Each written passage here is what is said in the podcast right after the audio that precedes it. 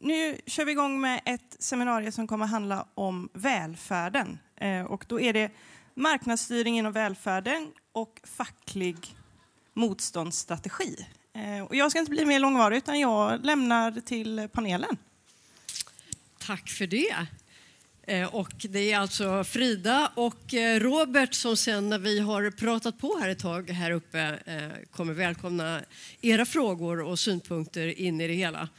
Men eh, vi har ju bara någon timme så vi eh, tänker rent praktiskt så vi kommer väl prata kanske 40 minuter och så använder vi sista delen där till liksom en allmän diskussion eller fråg, frågestund och så. Jag heter Åsa Mattsson, i alla fall, jobbar på Vänsterpartiets kommunikationsavdelning, journalist i grunden med Handels. Eh, och eh, det är jättespännande. Jag är även redaktör för Rött så att eh, jag gjorde en intervju med Jonna Bornemark, ni vet filosofen som har ägnat särskilt sin sista bok just åt New Public Management. Så jag tyckte det var jätteroligt att jag fick just det här uppdraget att hålla i det här samtalet. Så att lite grann kommer vi att återvända och också även kanske utgå ifrån Jonna Bornemark. Och I den här intervjun som jag gjorde i Rött då, så sa hon, eller hon kallade New Public Management för samhällets tvångssyndrom. Eh, och eh, så ska jag också säga att just när jag satt och läste Dagens Nyheter i helgen och plopp så eh, tittade jag på den här kulturredaktören Björn Wimans krönika och jag ska citera från den för att, att han skriver att om en naiv övertro på digitaliseringens förmåga att ersätta mänskliga möten, ett förakt för omätbara värden och en instrumentalisering av vårt inre liv. Ett slags själsligt new public management om man så vill. Redan före pandemin var paragrafryttare och petimätrar på frammarsch och det senaste året har de haft sin högtidsstund. Och det här tycker jag säger någonting om hur det här New Public Management har liksom spritt ut sig över samhället och blivit ett liksom vedertaget begrepp som också är ganska eh, avskytt faktiskt. Det är inte så många som försvarar New Public Management idag. Eh, dock så sprider sig det här styrsystemet från näringslivet eh, långt in i, eh, inte minst i välfärden och det är då huvud eh, ämnet liksom för, för vårt samtal här idag. För vad är det här för en marionettmästare som rycker i allt fler trådar i arbetslivet och nu också då i välfärden? Och hur hänger New Public Management ihop med den övriga marknadiseringen, med privatiseringen och ni hade ju tidigare här eh, snackat om gig-ekonomin, alltså de otrygga jobben och vinstdriften. Vad händer med hemtjänstpersonalens, lärarnas, sjuksköterskornas och biståndshandläggarnas arbetsvillkor? När elever och vårdbehövande alltså betraktas som både kan man säga, pinnar att räkna och som kunder. Och då, eh, sist men inte minst, detta en facklig konferens såklart. Har facket eh, redskap för det här? Hur hanterar vi det här? Hur arbetar vi fackligt på arbetsplatserna och i våra förbund för att skapa ett arbetsliv där det är verksamhetens utformning som kan utgå från de sociala behoven och att de anställdas yrkeskunskap faktiskt får styra. Och därmed säger jag varmt välkommen till vår panel här. Vi har närmast mig här Åsa Plessner som driver tankesmedjan Balans ihop med Markus Larsson. Eh, Åsa, du tidigare administrativ chef i grundskolan men nu eh, ägnar du dig åt forskning. Sen har vi Sandra Mikal eh, som är barnskötare på privata Dibber förskolor och ordförande i kommunal sektion Norr i Stockholms län som organiserar 11 branscher inom Kommunal. Det är bland annat linjetrafik och beställningstrafik, assistans, privata skol skolor och förskolor, Samhall, Eh, och fler därtill. Och sen har vi Roja Hakimnia eh, som är läkare på Rinkeby vårdcentral och medlem i Socialistisk vårdpersonal. Och eh, längst bort här nu, Tina Kente, lärare som du jobbade tidigare på gymnasiet också i ett som man säger, utsatt område. Eh, men nu är du på mellanstadiet och du är organiserad i Skolvänstern i Göteborg. Så varmt välkomna panelen. Tack.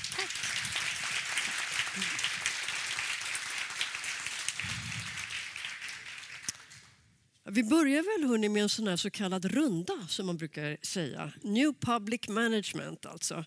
Det var ju rätt hårda ord som jag drog där och citerade i början. Samhällets tvångssyndrom. Petimätrar på frammarsch. Vad är den första eh, som ni tänker på eh, när man säger New Public Management? Åsa? Ehm, ja, jag är lite problemfokuserad i mitt tänk så att jag ser mest massa risker framför mig. Både med eh, innehållet i New Public Management och kanske också i användandet av begreppet. Eh, jag skulle vilja säga att petimätrar har alltid funnits och mätning har alltid funnits. Det jag tror att som har gått riktigt fel med, med New Public Management det är att vi mäter fel saker. Vi har slutat mäta förutsättningar och behov och vi har börjat mäta utfall och marginaler. Den, den, det är mer en fråga om vad borde vi mäta än borde vi mäta för att människor kommer mäta är vad jag tror. Sandra, vad är din första reaktion när du hör? Min spontana reaktion är att så här, vi är i en Eh, alltså NPM, om man får använda förkortningarna, eh, så tänker jag så på en destruktiv relation mellan två personer där en av dem är den ohälsosamma, kontrollerande partner som liksom gaslightar ett problem hela tiden. Vi har liksom, kostnader ökar varje år, det vet vi. Men med det här, eh, ska man säga, sättet så trycker vi ju ner kostnaderna på saker som inte går att liksom ta bort. Vi tappar ju då det här, det här personliga mötet. Det här, som barnskötare så tänker jag på så här, hur mycket tid får jag med de här barnen? Hur mycket tid får jag för att träffa varje barn och faktiskt se det? Eh, men det ersätts med en massa olika system. Liksom. Mm. Roja? Eh, jag tror att jag känner, jag har alltså känslor av utmattning, trötthet när jag hör New Public Management. Eh, det handlar liksom om den här känslan att inte bli trodd på. Eh, I praktiken handlar det om att jag eh, inte får tid att göra det som jag är utbildad till. Att det är massa saker som, tid som går till administration istället för att ta hand om min patient som är det jag är utbildad till. Så för mig eh, så ger NPM, eh, det väcker mycket känslor alltså det är av eh, ohälsa för både mig och patienten. Eh, och jag, ja, jag tror att det är det som gör att vi inom vården och patienter, alltså bland annat, upplever att vi träffas och vi försöker ge vård men det blir inte bättre hälsa. Så för mig personligen är det väldigt mycket känslor av trötthet liksom, när jag tänker på NPM. Tina? Mm. Eh, jag tänker på att mycket av NPM riktar in sig, alltså när man pratar just kritiken som du läste med Björn Wiman, det riktar in sig på kontrollsystemet men alltså, i NPM ligger ju också det här produktivitet, effektivitetsbegreppet som jag antar är den främsta anledningen till att man ens har NPM. Men det känns också som att man riktar debatten mot att det är löjliga kontrollsystem istället för att rikta debatten mot att eh, krav på produktivitet och effektivitet med lite pengar gör att barn far illa, att sjuka far illa. Och det kan jag också tänka på att man säger att elever är kunder och det upplever jag verkligen inte att de är för de har ingen makt i den här situationen. Och föräldrar har väldigt, väldigt liten makt att påverka barnens situation i skolan också. Så jag kan tänka att NPM, det viktiga är egentligen att prata om, eh, om ekonomi och klass, tycker jag, i välfärden. För det är just eh, arbetarklassen som far illa av det system vi har just nu. Mm. Och sen är det ju irriterande med all administration och eh, alltså, löjliga kontrollsystem. Mm. Det är det. Men, eh, ja. Jag ska dra ett eh, konkret exempel för er som jag faktiskt läste i Expressen. Ni har säkert andra exempel från era verkligheter. Eh, men eh, just det här fallet handlade då om en Karina Karlsson från Malmö som var beviljad kommunal hemtjänst med fem dagliga besök. Och det innebar då att hon eh, hade fått rätt till fem assisterade toalettbesök, en dusch i veckan, påklädning, sophämtning tre gånger och daglig städning. Men sen så hände det någonting, nämligen att hon ramlade och skadade sig och fick gipsas från ljumsken till foten och då så att säga förvärrades hennes situation så att eh, ja, helt enkelt hon hann inte till toaletten. Eh, och då eh, inträffade det att även när hemtjänstpersonalen var hos henne så kunde de inte hjälpa henne enligt då det styrsystem som var utan hon fick så att säga bli sittande eh, nerkissad till exempel, eh, utan att få hjälp trots att de var där. Eh, jag tänker, om ni skulle reagera på det. Alltså, eh, för Karina då, eh, som då är den som eh, är brukare i det här fallet så är det ju uppenbart att detta är fruktansvärt. Men det, om man ser det så att säga från, också från personalens perspektiv Alltså detta är ju som en mardröm att helt enkelt vara fjärrstyrd ifrån någon sorts managementnivå som har, att de har då blivit eller, eller, nu ska inte jag säg, säg ni hur, ni hur ni reagerar på det här. Jag blev så otroligt upprörd när jag läste den här historien. Det finns ju väldigt många andra. Får jag hugga? Ja, mm. hugg. Eh, jo, men jag tänker att det, eh, som, som medarbetare, vad gör det här med Jag tänker att det nästan är en existentiell fråga. Man går in i välfärdsjobb ofta för att man har en idealistisk drivkraft eller åtminstone en komponent i att jag vill göra det här jobbet därför att jag vill vara till nytta för andra människor. Och att befinna sig i då en schemaläggning, och jag hade ett antal så här kompisterapisamtal med min kompis som sommarjobbade i hemtjänsten om just exakt den här situationen. Jag kommer in i en annan människas hem, jag ska hjälpa till med det absolut mest intima, det som, det som man är van att klara själv. Och jag är så stressad, alltså hon, Anna, eh, jag är så stressad så att jag hinner inte, jag upplever inte att jag hinner småprata. Jag upplever inte att jag hinner vara artig och omsorgsfull. Utan jag ska bara köra, in på toa, ut igen. Det är ju väldigt nedbrytande. Eh, både liksom psykiskt och fysiskt, tänker jag. Och, och kanske en, eh, om jag får börja direkt då med att så här fundera på vad skulle en facklig rörelse kunna göra annorlunda. Kanske en dimension som facken traditionellt inte riktigt har hittat ett språk för. Eh, vi har varit mycket inriktade på liksom materiella och kanske fysiska behov. Men vad gör det med oss som, som människor och som själar, liksom som personer när vi måste vara elaka? Mm. Jag tror att det är enormt skadligt. Tack. Sandra, det här är ju verkligen det här är ju ja. dina medlemmar så att säga som ja. råkar ut för. Vi har ju de liksom kommunala hemtjänsterna som ja, de är för det mesta utsålda i de kommunerna som, som sektioner organiserar. Men jag har själv eh, vickat lite i hemtjänsten och min mamma har jobbat i hemtjänsten väldigt länge. Eh, och jag har också jättemånga liksom, fackliga kollegor som, som eh, organiserar hemtjänsten, både privat och kommunal. Och det är precis det du säger. Jag pratade med min mamma om den här artikeln och hon bara så här, fast jag hade stannat kvar. Det finns inte en snack om saken. Men min mamma har jobbat inom hemtjänsten hur länge som helst. Hon är väldigt bestämd och hon, alltså hon borde vara en facklig representant. Liksom. Medan hon tittar på sina kollegor och bara, jag vet exakt vilka som inte hade gjort det för de som är livrädda att inte få komma tillbaka. Vi, vi organiserar ju liksom eh, hela äldreomsorgen genom, liksom, ni pratar om gigekonomi, så, så kan man nästan, man kan nästan jämföra det med alla timmisar inom välfärden. De sätts på, höj, på när liksom arbetstopparna finns. Mm. Och inte, eh, det finns liksom inte eh, samma personal, utan det byts ut hela tiden. För vem vill ha kvar ett otryggt arbete? Alltså jag vet inte om jag får komma tillbaka. Jag vet inte om jag kommer få själv. Jag kanske fick det från min förra arbetsgivare. Och då är det klart att den tittar på klockan och säger, jag hinner inte. Jag ska vara hos nästa person om tre minuter och den bor tio minuter bort. Mm. Så. Det, alltså det, jag förvånas inte.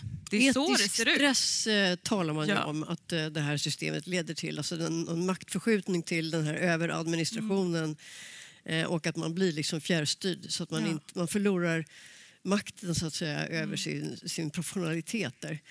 Eh, Roja?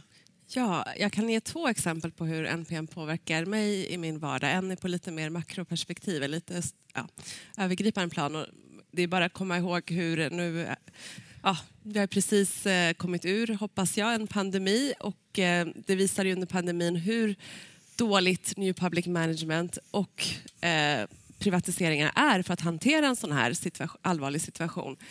Eh, allt från kraven på effektivitet, besparingar, att vi ska hålla små lager, privatiseringar som har sönderfragmentiserat eh, sjukvården i i hela landet, men framförallt i Stockholm som gjorde att offentlig personal var tvungen att jobba ihjäl sig medan privata vårdgivare kunde välja lite hur, hur mycket de ville bidra. Um, och sen så eh, handlar det också om, eh, i min dagliga praktik så är vi väldigt styrda av eh, ersättningssystemen, pengar som går till vårdcentralen. Och just nu, det här ändras hela tiden, men just nu så är det väldigt mycket fokus på diagnossättning av våra patienter. Eh, vilket gör att jag, eh, när jag har patienten framför mig, istället för att få lite några minuter extra med att prata med patienten och förstå vad det är för sjukdomar som patienten har, så måste jag ju lägga ner tid istället på att diagnostisera dem, hitta olika koder. Diagnoser sätter vi alltid med, men att diagnossätta utifrån ett visst system så att vi ska få pengar till vårdcentralen. Och det intressanta är att alla vet ju att Rinkeby är ett område det forskas mycket på eh, olika områden i Stockholm. Vi vet vad det finns för slags ohälsa i Rinkeby. Det är ingenting som förändras varje månad eller varje vecka. Utan eh, vi vet ju vilka behov det finns. Men NPM säger ju att vi ska hela tiden bevisa vad vi gör. Och därför måste jag lägga ner tid på helt meningslösa saker. Och gör jag inte det så får ju inte min vårdcentral pengar. Och det intressanta är att vi ligger ganska dåligt till, alltså det är en offentlig vårdcentral. Vi jämför oss med de andra de andra får mycket mer pengar fast vi vet att vi har mycket sjukare patienter. Och särskilt privata är väldigt duktiga på att snappa upp vilka diagnoser som ger mer pengar. Men av någon anledning när min chef har ringt runt och liksom frågat men hur får ni, varför har ni så bra ACG vad heter det, ACG-viktning eller kodning eller så. Eh, och då är det ingen som delar med sig för vi är konkurrenter fast, fast hon ringer en offentlig eh, kollega på en offentlig vårdcentral så vill folk inte dela med sig av de här kunskaperna. Um, ja.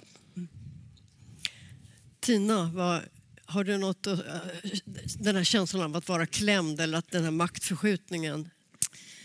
Um, Ja, alltså det jag kan relatera till det är ju hur man behandlar elever som inte faller inom ramen för någon som klarar av att vara i en stökig skolmiljö, som klarar av att vara i en stor klass. Om man inte klarar det, eller om man inte klarar eh, betygen enkelt, då hamnar man ju i ett fack som är väldigt svårt att ta sig ur. Mm. För att då får man först gå ett år med problemen innan skolledningen orkar ta i det.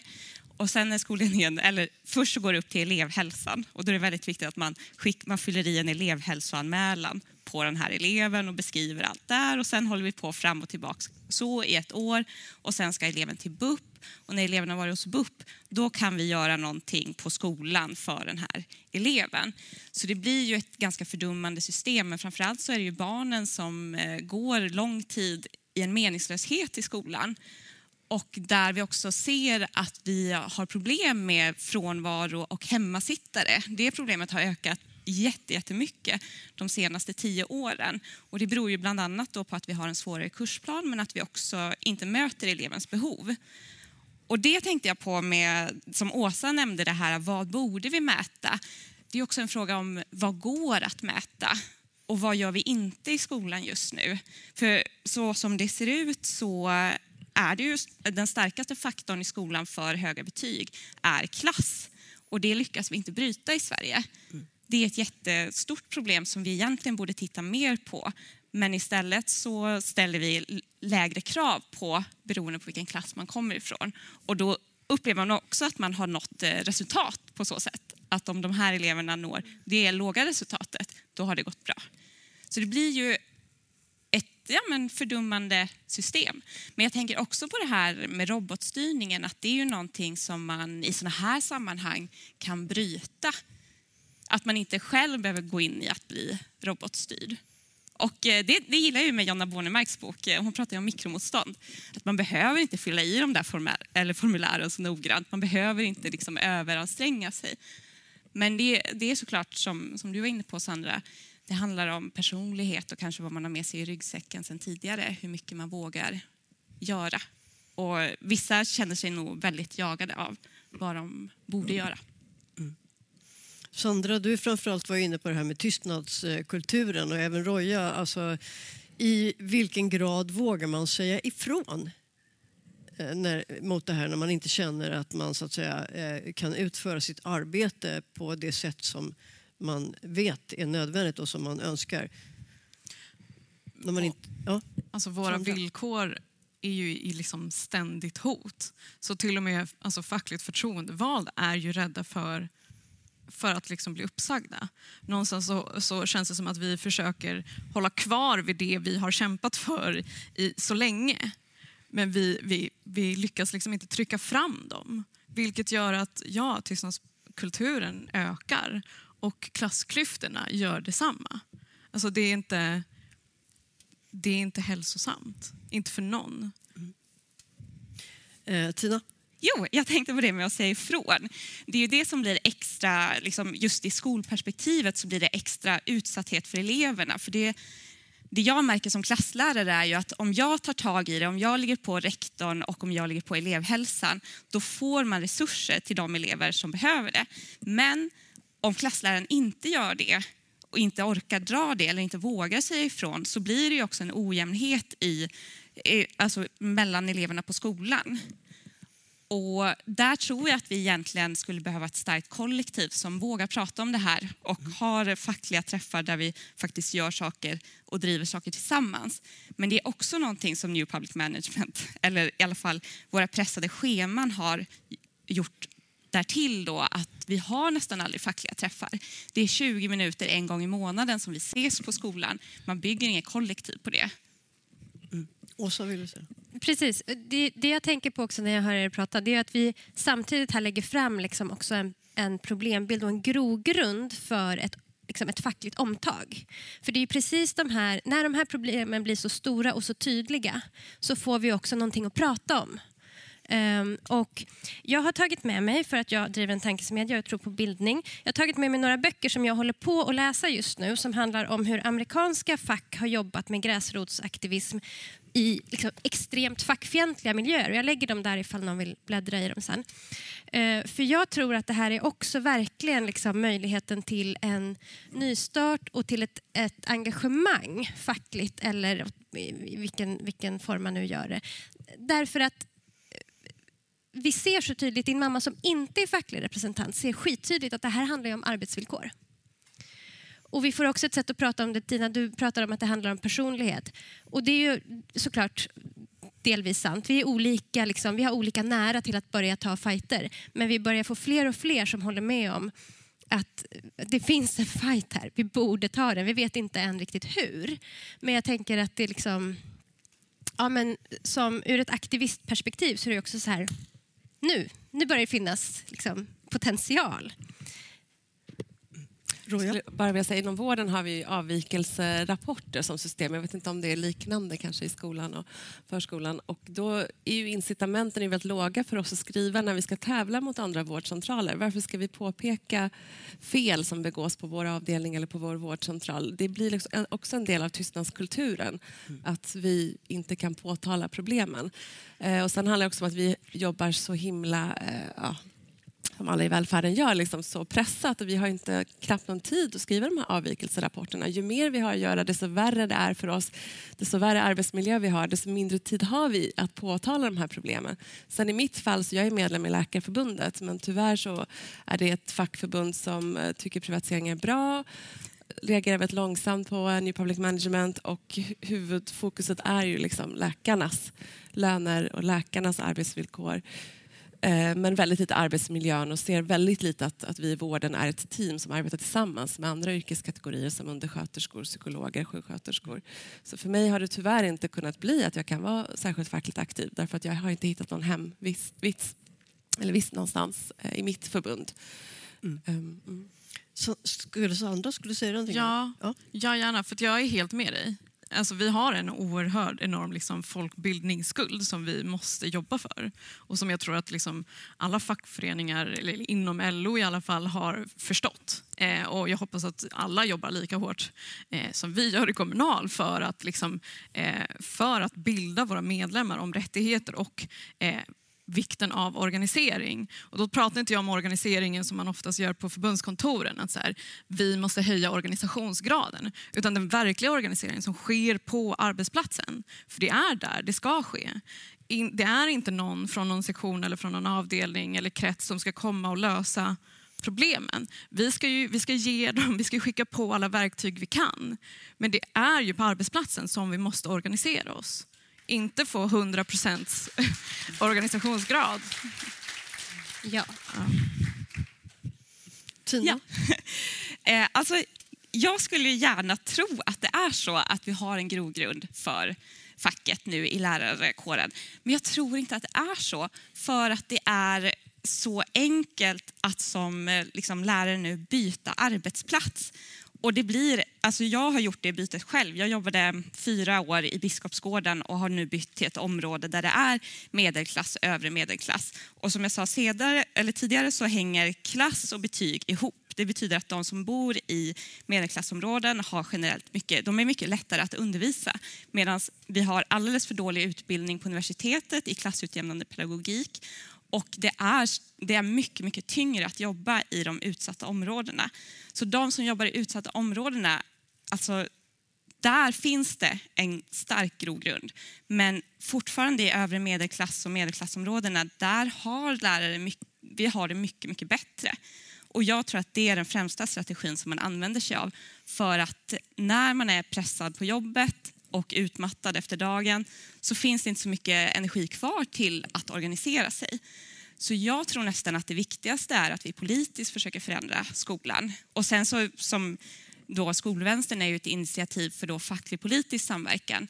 Där kan vi få en större kraft. Men det viktigaste tycker jag är att göra föräldrar, av då patienter medvetna om vilken utsatthet det är för elever och försöka få dem att bli förbannade över det här. Förbannade över att de inte får mer av svenska skolan.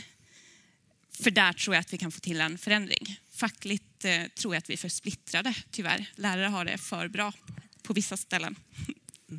Roja, du eh, jobbar ju i Rinkeby.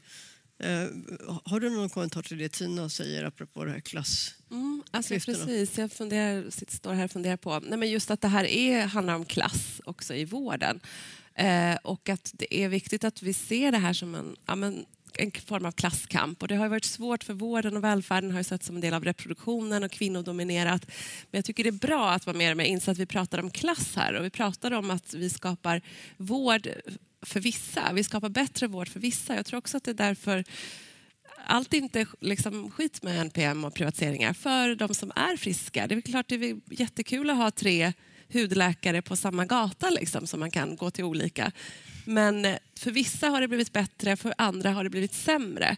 Och eh, också förstå liksom, att det här är vilket intresse det finns i kapitalismen att driva fram det här. Det är inte bara ideologi och att det är byråkratisering och att vi måste effektivisera. Utan det här är ju kapitalister som gör liksom vinster, profit på välfärden.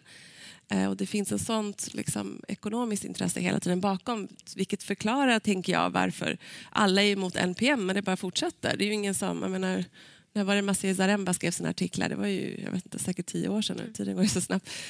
Och liksom ändå sitter vi med det här liksom, och kanske kommer nytt, något nytt liksom, titel på någon ny managementteori. Men allt är ju detsamma. Vi ska bespara, vi ska effektivisera, vi ska kontrolleras.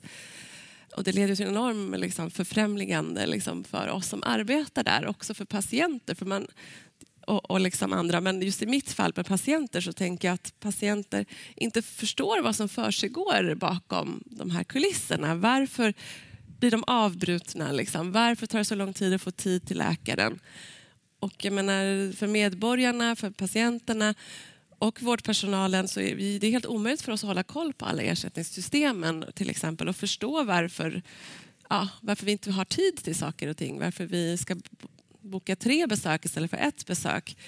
Eh, det är en enorm... Liksom, man döljer de här sakerna som måste fram i ljuset och förklara liksom, så att alla kan se varför är det så att när jag ringer till, eh, till vårdcentralen så får jag inga bra råd utan jag bara lägger på snabbt. Det är för att det finns incitament för att samtalen ska gå snabbt. Det kallas tillgänglighet men i, grund, i praktiken innebär det att patienter inte får råd, att sjuksköterskorna inte får göra sitt arbete.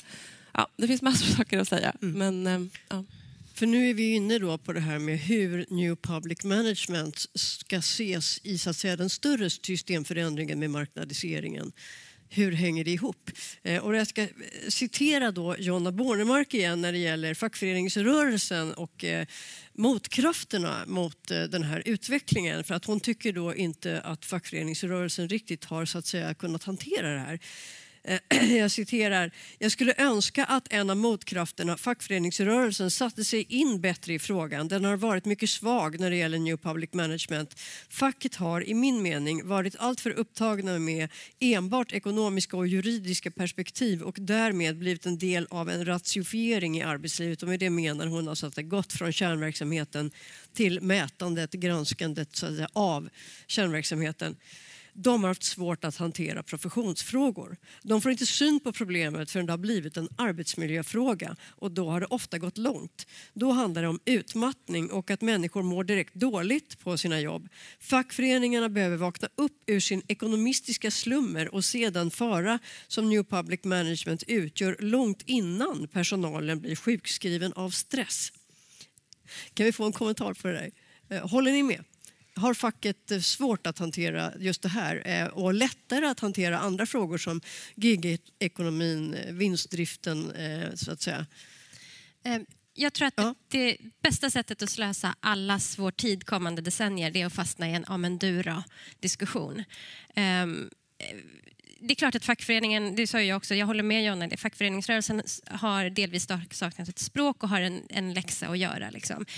Och precis som Tina sa, det har politiken med. Liksom. Och det, vi pratar om ett system problem, inte om någonting, en specifik fråga som en specifik aktör kan hantera. Utan jag tror mer på en så här utfrätningsstrategi. Vi behöver facklig aktivism, vi behöver politiska strategier. Vi behöver att akademin, där Jonna ju gör en insats, liksom, tar sin del av ansvaret och producerar den typ av kunskap som kan hjälpa oss att få syn på vad som pågår.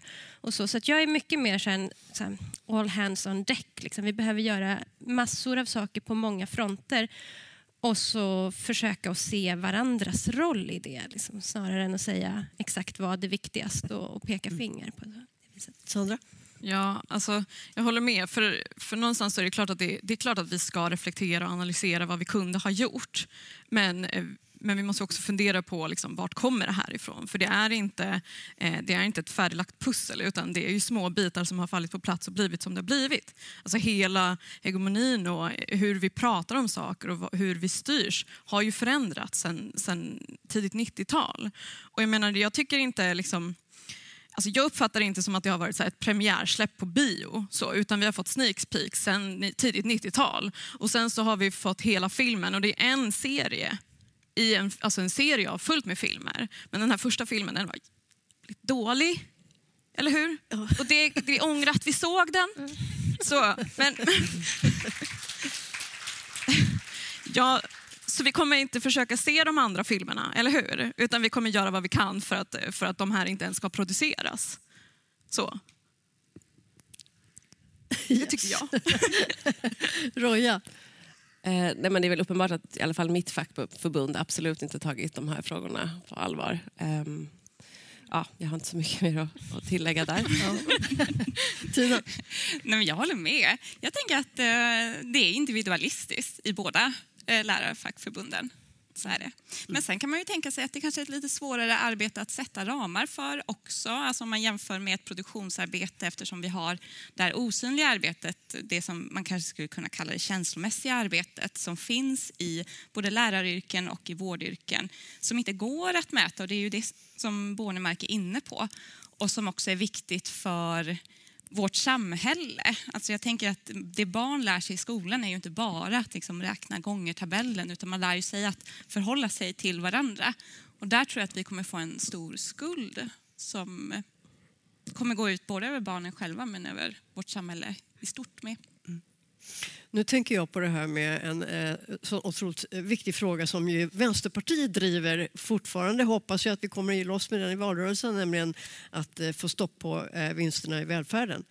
Eh, men eh, när jag läste din och Marcus bok här, Åsa, eh, så tänkte jag så här att för där har ni några så otroligt bra exempel på eh, en annan typ av så att säga, eh, ekonomisk problematik. Hur många mindre kommuner hade så att säga, kraftigt dragit ner på så att säga, resurserna i den egna verksamheten och lejt ut eller lejt externa konsulter. Eh, och att det är, eh, så, jag tänkte, är det för lite fokus på den typen av tapp ur välfärden? Är, så att säga, är till exempel då, eh, Vänsterpartiet, för mycket inriktade på att man bara tänker på stora eh, eng- internationella engelska skolan eller eh, Attendo, när man också borde titta mera på detta. Jag menar, eh, Nya Karolinska var ju liksom det stora skräckexemplet när det gäller det tappet. Alltså där var det ju, alltså professionerna minskades ju ner till eh, noll. Man vill inte ens lyssna på dem. Inte heller på överläkare och professorer. De var ju också liksom ute. Eh, utan det var ju enbart eh, den här så att säga eh, överadministrationen och de externa konsulterna. Eh, vad tror du Åsa? Ja, nej, men jag tror att jag säger samma sak som i förra frågan, fast lite kortare kanske på ett annat sätt. Eh, det finns flera problem.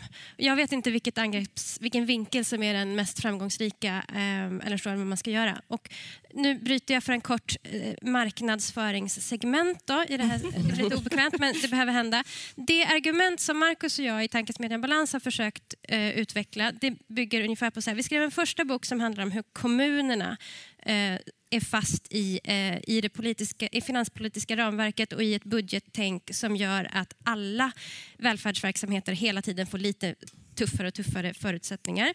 Sen skrev Marcus en bok om skolpengssystemet specifikt och hur det gör det lönsamt för riskkapitalister att eh, suga åt sig, eh, det Tina var inne på, de, de, de elever som passar bäst in i den billiga formen av undervisning och lämna de svåra, svårare eh, fallen till kommunerna. Och sen har vi skrivit en ny bok som handlar om hur skolkoncerner specifikt utnyttjar det här skolpengssystemet och hur, de beter sig själva. Och nu har vi börjat jobba på vår fjärde gemensamma bok som ska handla om kollektivet och hur skulle man kunna tänka sig att en arbetarrörelse tar sig an det här. Så det, finns liksom, det finns gott om skurkar, det finns gott om vinklar och plakatpolitik kan ju vara... Det, alltså, Engelska skolan är tacksam att angripa för att den börjar bli så fruktansvärt provocerande. Men jag tror att vi behöver... Man kan tänka ur många olika håll och, och vi får köra på dem... Vi får vara pragmatiska vad gäller strategier, köra på de ingångar som, som bjuds tror jag. Mm. Hörrni, nu börjar det dra ihop sig här så att eh, vi får snart släppa in eh, er här. Eh, så att vi, vi får lite eh, mer offentlig diskussion här i rummet. Men innan vi gör det så tänkte jag bara säga en eh, fråga, Roja, som du och jag pratade om när vi pratade, gjorde så här lite förintervjuer med alla. Det var ju eh, att den här granskningsförfarandet, alltså fortfarande är det för att folk slentrianmässigt, jag menar jag håller ju verkligen med om att det är en, en klassfråga, men intressant nog så har det ju så att säga granskandet spritt sig uppåt in i välfärden. Så att det gäller ju även då som Jonna eh, som är ja, professor på Södertörn och det gäller de här överläkarna på Eh, i samband med omgörningen där på Nya Karolinska när alla pengarna gick till Boston Consulting Group så att det sprider sig uppåt. Eh, och då eh, sa du att vad som pågår är som vi kan se här, du sa till och med proletarisering av läkarna i ditt fall. Vill du utveckla det där, hur du ser på det? Ja, alltså det är en del ja, forskare som menar att det blir en mer och mer proletarisering av läkaryrket. Och, eh, det som händer är ju ja, att vi blir allt mer Även liksom överläkare och professorer blir väldigt mer och mer liksom dominerade och kontrollerade av allting som de gör. Eh, och sen så tänker jag också i privat sektor, de, det är många som jobbar i privat sektor och då blir ju ens arbete, man jobbar snabbare och så vad händer med det här produkten som då är vård. Utan, eh, och det är ju att det skapar vinster till eh, kapitalister och riskkapitalister. Så på så sätt så hamnar man mer i en arbetarlik position. Eh, och det är enorma skillnader i löner. Så att det är väl klart att läkare fortfarande har det bättre lönemässigt. Man har lättare att kanske återhämta sig på fritiden och sådana saker. Eh, på grund av att man har mer pengar än vad undersköterskor har till exempel. Men jag tycker också att det här liksom leder till en öppning för organisering. För att många läkare identifierar sig ju hellre med typ överklass. Fast det är ju liksom inte så. Utan det är ju eh, mycket bättre om vi mer och mer, och det tror jag händer, att vi mer och mer får syn på oss själva som vårdarbetare och försöker bryta ner hierarkierna. Och ett eh, exempel på det här är ju att jag var med och startade Socialistiska läkare för några år sedan. Eh, och eh, nu har vi mer och mer gått till, över till att eh, organisera oss oss som socialistiska vårdarbetare. Så vi försöker liksom förändra den här synen att läkarna ska förstå att deras klassintressen ska liksom vara med sjuksköterskor och undersköterskor, inte med kapitalister. Um, ja. Kan, eh, vill ni andra också kort kommentera det här? Alltså är det här någonting bra? Eh, kan det användas i facklig organisering är, eller är, kan det också vara är det problem i övergångsfasen? så att säga? För att det är ju många av de här så att säga, då, tidigare eh, positionsbärande eh, människorna eh, som inte alls liksom är vana vid att betrakta sig som en del av eh, något vårdarbetarkollektiv eller, eller för den delen inom lärare eller vad det är. Vad säger du Sandra? Alltså jag tror att, eh, alltså som, alltså från förskolans värld, om man ska säga då, eh, för någonstans så, eh, liksom de här privata arbetsgivarna eh, och även kommunerna tror jag separerar ju på så här barnskötare och annan personal och förskollärare och förskollärarlegitimationen och hur viktigt det är. Och det är såklart att det är så. Men, eh, men det det drar ju mer kil mellan oss, mer än att vi ser, eh, ser att vi har liknande problem. För man separerar på oss och det tror jag man även gör i skolan. Fritidspersonal och lärare, de, jag hade ett exempel på, eller hörde ett exempel på en där, där fritids jobbar, de är en jättestor skola med låg och mellanstadie, men de träffar inte lärarna i princip. Och de har inte tid för planering. Men det är fortfarande en pedagogisk verksamhet. Och det är, mm. klart att, så här, det är klart att vi då inte hittar våra gemensamma närmare, även fast vi borde göra det. Jag tror att vi arbetare identifierar sig inte riktigt som arbetare för att man ser inte på det längre för att vi lever ju individualistiskt. Det gör vi ju. Och det är någonting som har liksom byggts på i åratal. Och det är klart att det inte kommer ha en quick fix det måste vi ju liksom eh, vi måste ju fortsätta jobba med organiseringen. Det är klart att för så här, förbundskontoret, jag sitter inte i förbundsstyrelsen, men de har kommit på jättebra så här, lagförslag som de ska driva på, typ minimibemanning inom äldreomsorgen och eh, Skolverkets riktlinjer ska vara lag i hur, hur liksom små eller stora barngrupper får vara. Men det kommer fortfarande inte hjälpa organiseringen på arbetsplatserna. Så, det är jättebra att det finns, men, men mitt perspektiv är ju med mina jobbarkompisar och de andra förtroendevalda jag träffar varje dag. Tack. Eh, Snabbt, Tina? eh, ja, nej men absolut. Man kan ju profitera på lärare ganska lätt nu. Alltså jag tänker, ni som är lärare känner säkert till tjänsten Studi som är en webbsida där man kan ladda hem föreläsningar och frågor och sånt och sen bara köra ut till eleverna. Och det är ett sätt att skapa enkel undervisning också.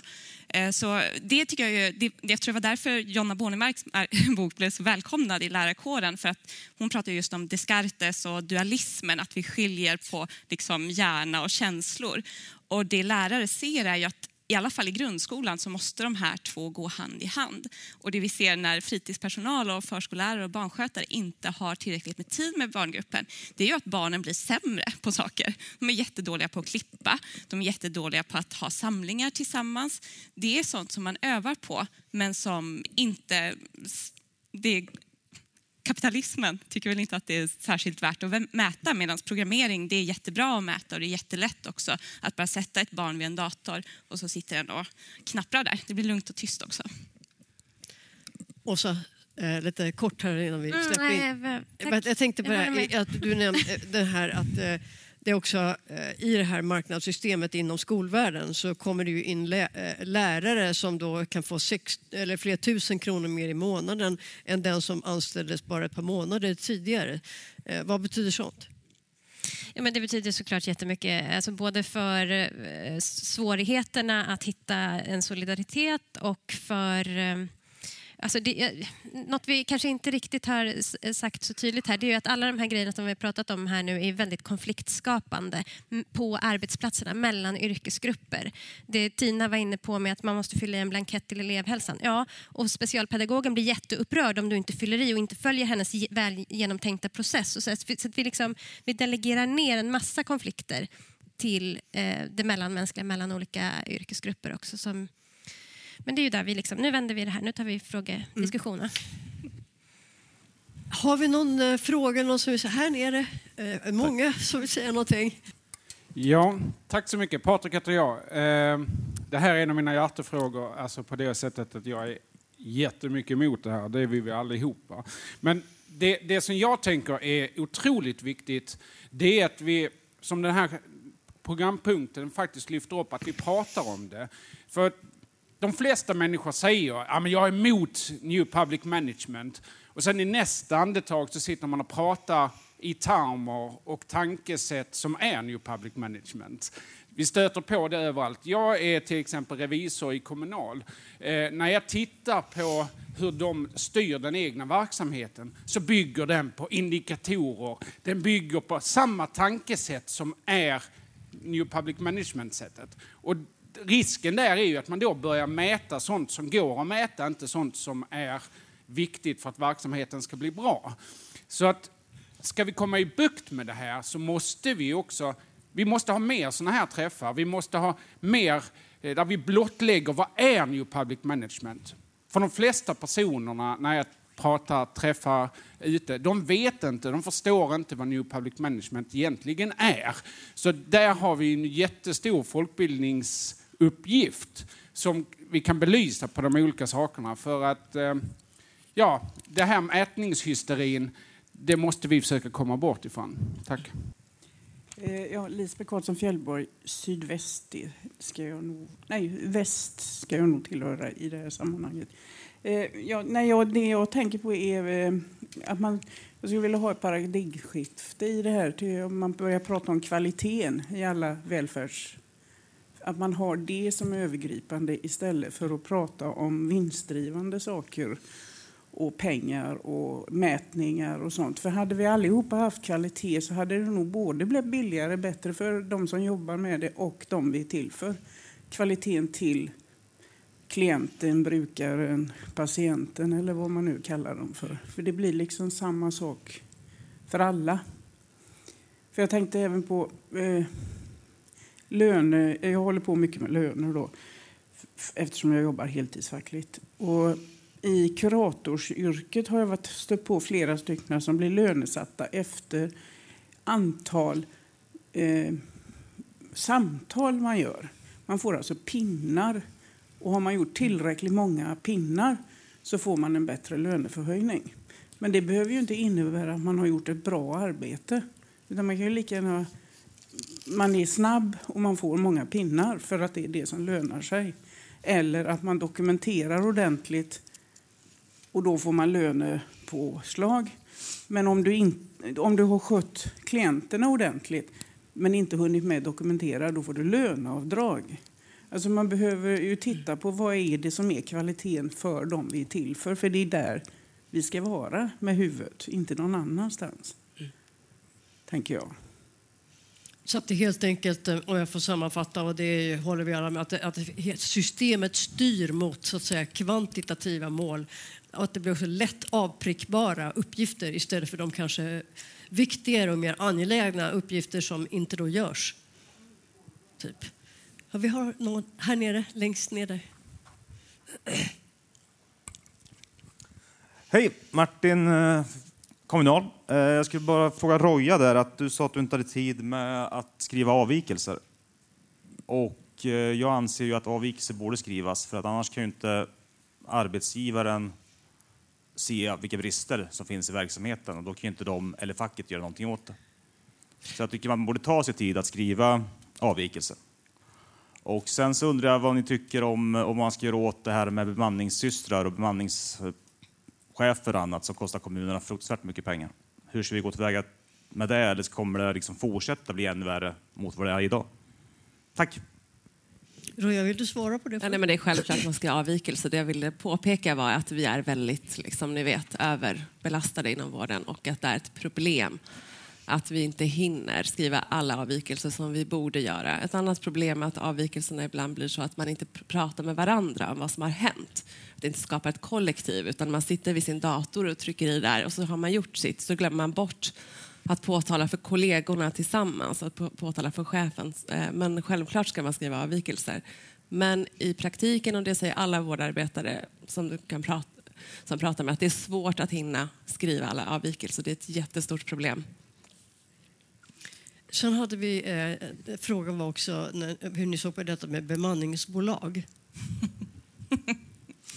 Någon som vill svara på det, Sandra? Ja, men nej tack. Nej, jag, jag tänker att det kommer ju tillbaka till det jag pratade om innan. Att så här, med, med hjälp av det, eller eh, det är inte hjälp, utan med den liksom, sorters bemanning så, så bemannar vi bara topparna och så gör vi ingenting annat åt liksom, den, den liksom, arbetsbördan eh, som, som ska, borde vara jämn. Och vi borde ha heltider, vi borde ha trygga anställningar och så vidare. Men, men med tack vare timmisar och bemanningsföretag så dumpar vi villkoren och så eh, får man bara jobba eh, när det verkligen, verkligen finns behov. Och då är det också superstressigt. Eh, och det här med till, för mig är det tillbudsrapporter och jag tänker att avvikelser är en sak. Men vi får inte heller glömma tillbuden och liksom arbetsskadeanmälningar som man är rädda för att skriva idag. Ja, och Åsa? Eh, Ja, jag tror att eh, alla som tänker efter inser att det är eh, hål i huvudet och hyr, att liksom inte ha råd att bemanna verksamheterna och sen hyra in dyr eh, personal för, från bemanningsföretag. Det skadar liksom både, både ekonomi och kvalitet och arbetsvillkor. Det finns inga uppsidor. Och jag tänker att varför händer det ändå? Jo, därför att det är absolut förbjudet att, veta, att, att säga rakt ut vi kommer gå med underskott i äldreomsorgen i år. Eh, det kommuner gör är att man antar en budget som är alldeles för optimistisk, eh, som inte innehåller tillräckligt med personalkostnader. Och sen så är det, man skjuter inte eh, förvaltningschefer för att de drar över budget i efterhand. Så därför är liksom snabba nödlösningar är mer tillåtna än god planering. Och där tror jag att där behöver vi från politiskt håll hitta sätt att säga att nu är det någonting vi har lärt oss av pandemin så är det att beredskap är en bra grej. Det är billigare och bättre på alla sätt. Och det, det tankeskiftet måste, det måste man ta politisk, på politisk väg, tror jag. Och lyfta de enstaka kommuner. Det finns ett boende tror jag, på Ring, här, Ringvägen i Stockholm som överbemannade. Eh, kommunalarbetaren skrev om det. Som ö, alltså, överbemannade, bemannade rimligt. Och då fick ner sjuktal och sjukfrånvaro och personalomsättning och sådana saker. Så att, att driva en annan förvaltningspolitik tror jag är lösningen på det. Tack. Hej, Johanna är undersköterska på Mora lasarett. Eh, jag tänkte på det här med avvikelser. Eh, det som jag upplever är kanske, ja, dels det du säger att det är svårt att få tid till det, men också att motivera mina kollegor att skriva dem. För att många upplever att det inte gör någon skillnad. För de går till chefen och chefen tittar på dem och sen skrivs det av. Oftast. Det händer inte så mycket, eller det är vad som upplevs i alla fall. Så det är också just det här med att det självklart ska alla skriva avvikelser men eh, ger det någonting? Det är väl det som kan upplevas vara ett problem.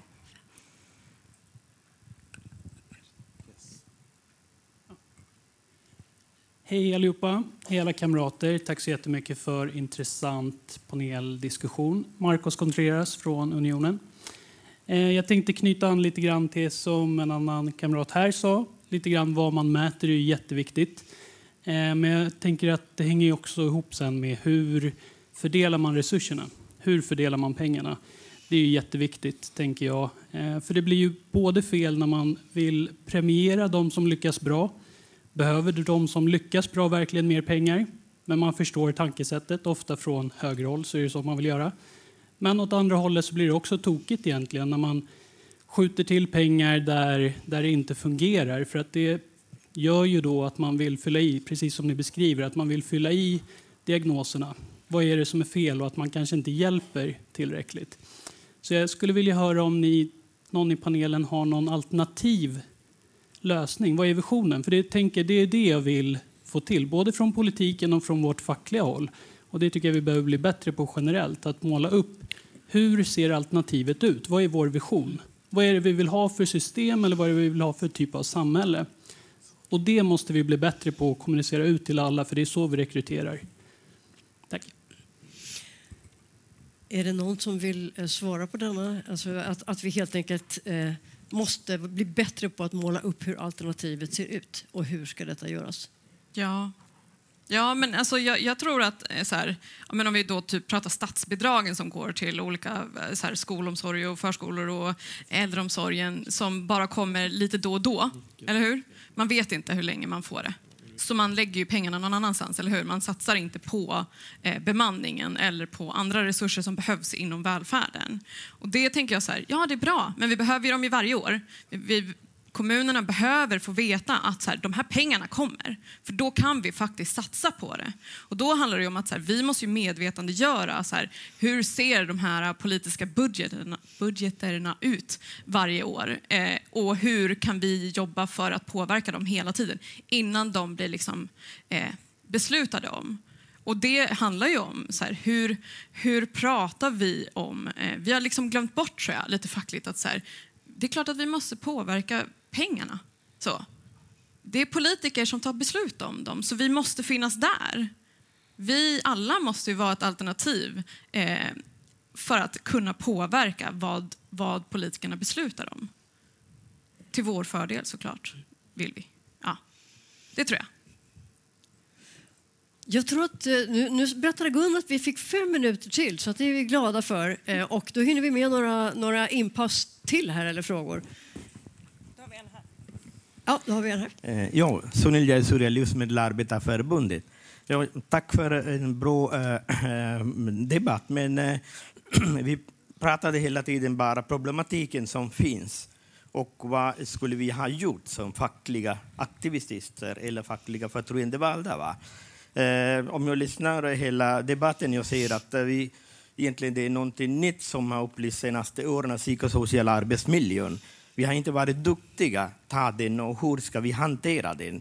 Att, eh, vilken väg ska vi eh, starta den och driva fram de här frågorna? Jag tror inte att det finns ett enda eh, mål i Arbetsdomstolen som finns eh, på grund av psykosociala arbetsmiljön. Så många tusen som är skadat idag som är utbränd, som är hemma och långtidssjukskrivna. Jag tror att vi har varit hela LO, hela arbetarrörelsen, har varit väldigt dåliga att driva de här frågorna.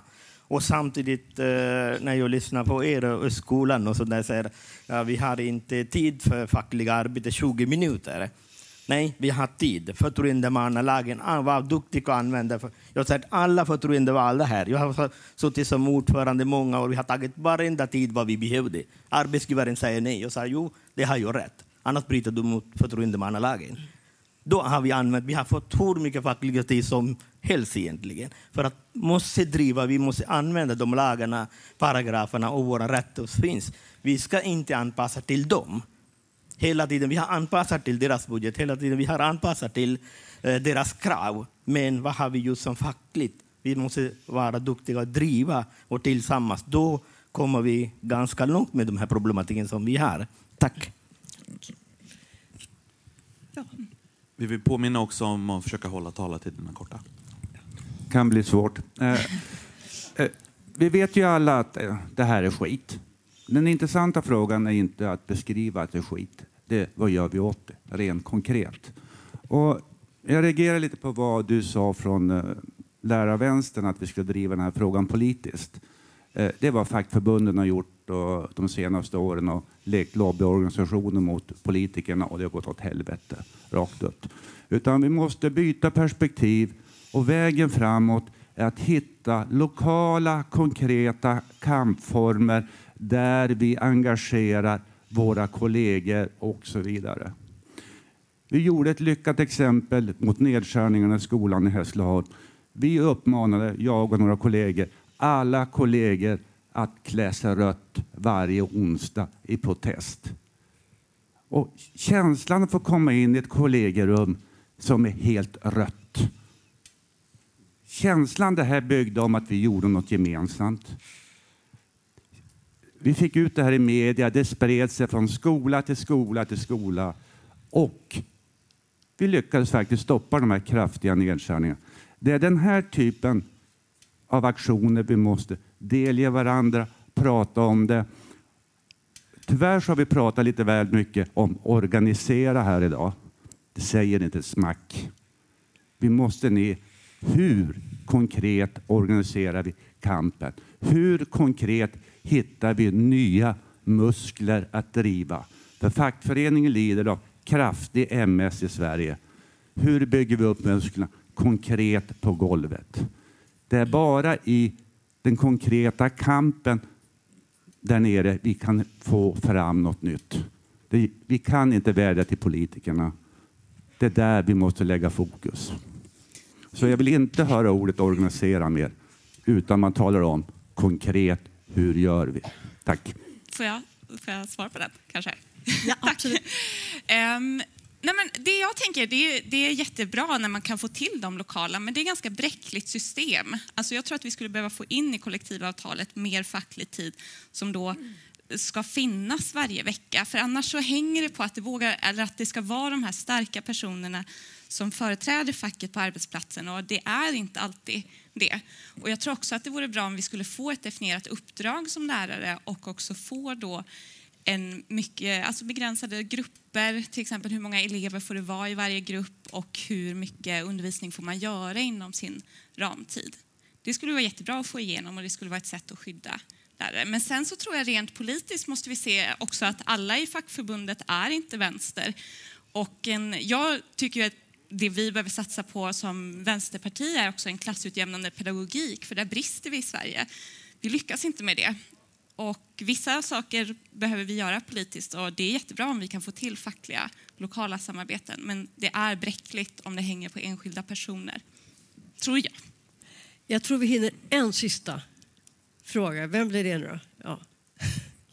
Hej, Eva-Lis Larsson. Jag är också lärare och det bara bubblar i mig när jag hör allting. Jag blir så irriterad. Jag tycker att lärarfacken också är för mesiga. Det finns mycket, mycket mer vi kan göra. Ett stort fan av Plessner Larsson. Tack Åsa för att du är här. Jättekul. Eh, vi gav bort er bok De effektiva till hela kommunfullmäktige hemma i Karlskrona. Dels för att de ska lära sig och dels för att vi, vi ser vad ni gör. Eh, vi måste organisera oss mer lokalt. Jag tyckte det var jättebra det du sa, jag kommer inte ihåg vad du heter. Eh, att vi måste liksom organisera oss lokalt. Eh, våra förbund, lärarförbunden bägge två, vi håller på alldeles för mycket med att positionera oss. Vi är skolfolk från förskola och ända uppåt. Om vi ska kunna driva någonting mot New Public Management så måste vi göra det tillsammans och ända nerifrån, helt enkelt. Stort tack! Tina Kente, Roja Hakimnia, Sandra Mikal och Åsa Plessner. Och tack alla. Det verkar som att diskussionen fortsätter. Tack.